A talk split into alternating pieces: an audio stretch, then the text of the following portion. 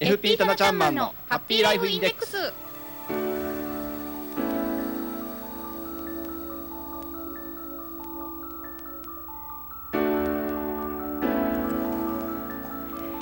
FP タナちゃんマンのハッピーライフインデックス」この時間はあなたの夢と未来をトータルサポートするライフサポート有限会社の提供でお送りします。私たちと一緒に明るい未来幸せな生活になるためのマネーライフを考えてみませんか？この番組ではあなたからの疑問質問も大募集中受け付けています。宛先は Amazon 専用メールアドレス hama アットマーク p-wave.ne.jp 繰り返します。ハマアットマーク p-wave.ne.jp です。どんなことでも結構ですよ。気軽に疑問質問ぜひお待ちしています。さあそれでは今日も早速一級ファイナンシャルプランニング技能士ライフサポート有限会社代表のタナちゃんマンを呼んでみましょう。タナちゃんマンはいこんにちは棚橋です。今日もよろしくお願いします。こちらこそお願いいたします。えー、今日はね、タナちゃんマンに、えー、ここに来ていただいてすぐにね、はい。幸せの秘訣なんかもちょっとなんかね ね。お聞きしたんですけど、い。いつもね来るたびにいろんななんかねあの具体的にこのマネーに関することじゃなくても幸せになる秘訣をねそうですね。教えてくれるんですよね。がとうございます。とんでもありませんはい。いろんなお話、えー皆さんもぜひお聞きしていただきたいと思います。さあ今日はテーマは何でしょうか？はいえー先週ですね、えーみっちゃんのママさんからメールではい。ご質問いただいております、インフレとデフレですね。そうでしたね。はい。おはい。話をしていきたいと思います。みーちゃんのママさんありがとうございます、えー具体的にメールがあのー最近4月に引っ越してはい。四日市に来たけれども、はい。ということで、はい。インフレデフレなんでしょうか？普段の生活で影響が出ることはありますか？というご質問でした。はい。はい。そうですねはいかなりインフレデフレどちらもですね、えー家計には大きく影響をしていくものではないかなというふうに思います。はい、はい。言葉を知っていても具体的にちょっとなんかわからないという方もいらっしゃるかもしれませんよね。そうですはい。今日は教えていただけますか？はい、わかりました。まず今日はですね、その中でもおデフレについてお話をしていきたいなと思うんですけれども、まずはデフレ、はい、デフレ、えーまあえー正確にはデフレーションって言うんですけどもね、はい、デフレーション、えー数年前ですね、デフレスパイラルという言葉もあったのを原口さんは覚えていらっしゃいますでしょうかね？なんか言葉は聞いたような記憶がありますけど、はいスパイラルスパイラルそうですね。あのまあスクリュー状にね、はい、螺旋状にスクリュー状に、なえーデフレが起きている。ええデフレがデフレを読んでですね、もうデフレが止まらない状態であったというね、はいえーそういう時期もお数年前2年3年ほど前、まあ、そういう状況に陥っておりました。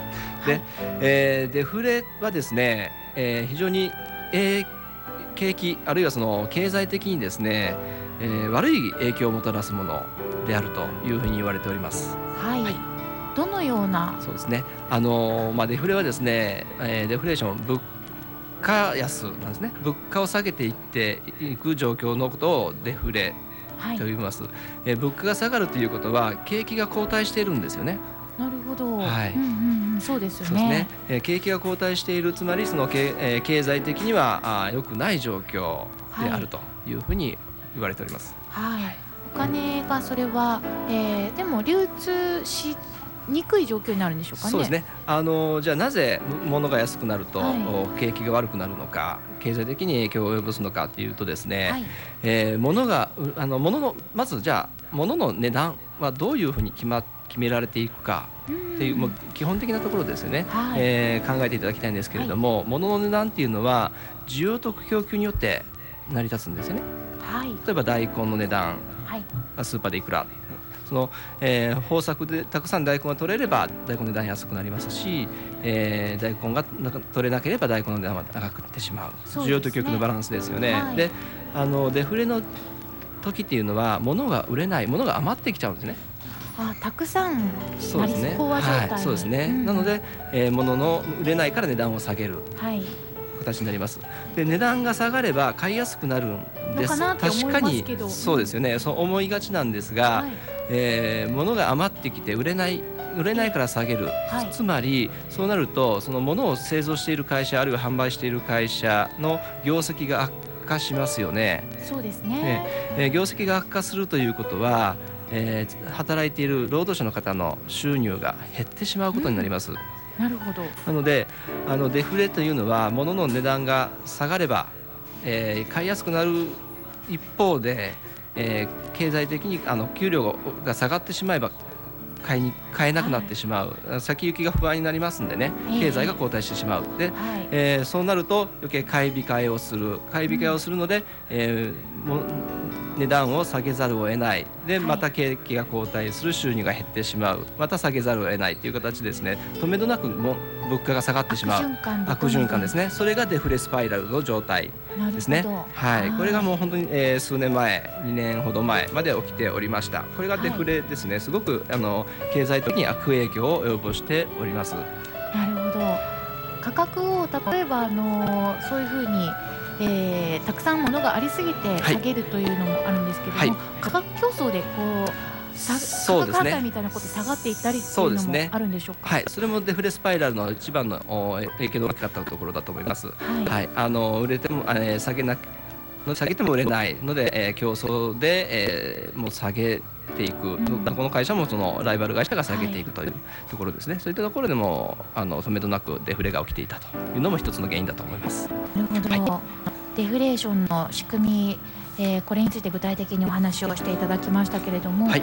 やはりそうすると、えー家計にも具体的に影響がありますよそうね。はいえー先ほども言いましたように、はい。価格が下げれば、えー企業の業績が悪化しますので、えー企業のお収入が下がってしまう。そうするはい。と給料が下がってしまう、ということで家計には大きな影響を及ぼしてきていますよね。はい。であのーまあ、それがその2年ほど前にずっと続いてたんですけれども、えーこのおデフレスパイラルうはですねデフレと言ってもですね、はい。当然物の値段が下がり続けていきますのでデフレが続いているんですけれども、うん物の値段が下がり続けると同時に収入が下がってしまってますので、お金の価値も実は下がっちゃってるのが現実だと思うんですね。なのでその見た目はデフレが続いてるんですけれども、えー経済状況の中身はですねインフレと同じ状況が起きてるインフレんですよというの。は逆の状況ではあるけれども、はい、的には？そうですね。インフレというのはですね、まあちょっと触れますと、はい来週詳しくお話をしていきたいと思うんですが、えー物価高逆の物価高はインフレなんですね。はい、えーで、えー物価高逆にそのお金から見ると物価が上がっている。えーものにえーフォーカスをするとですね逆に言うとお金の価値は下がっているんですね、はい。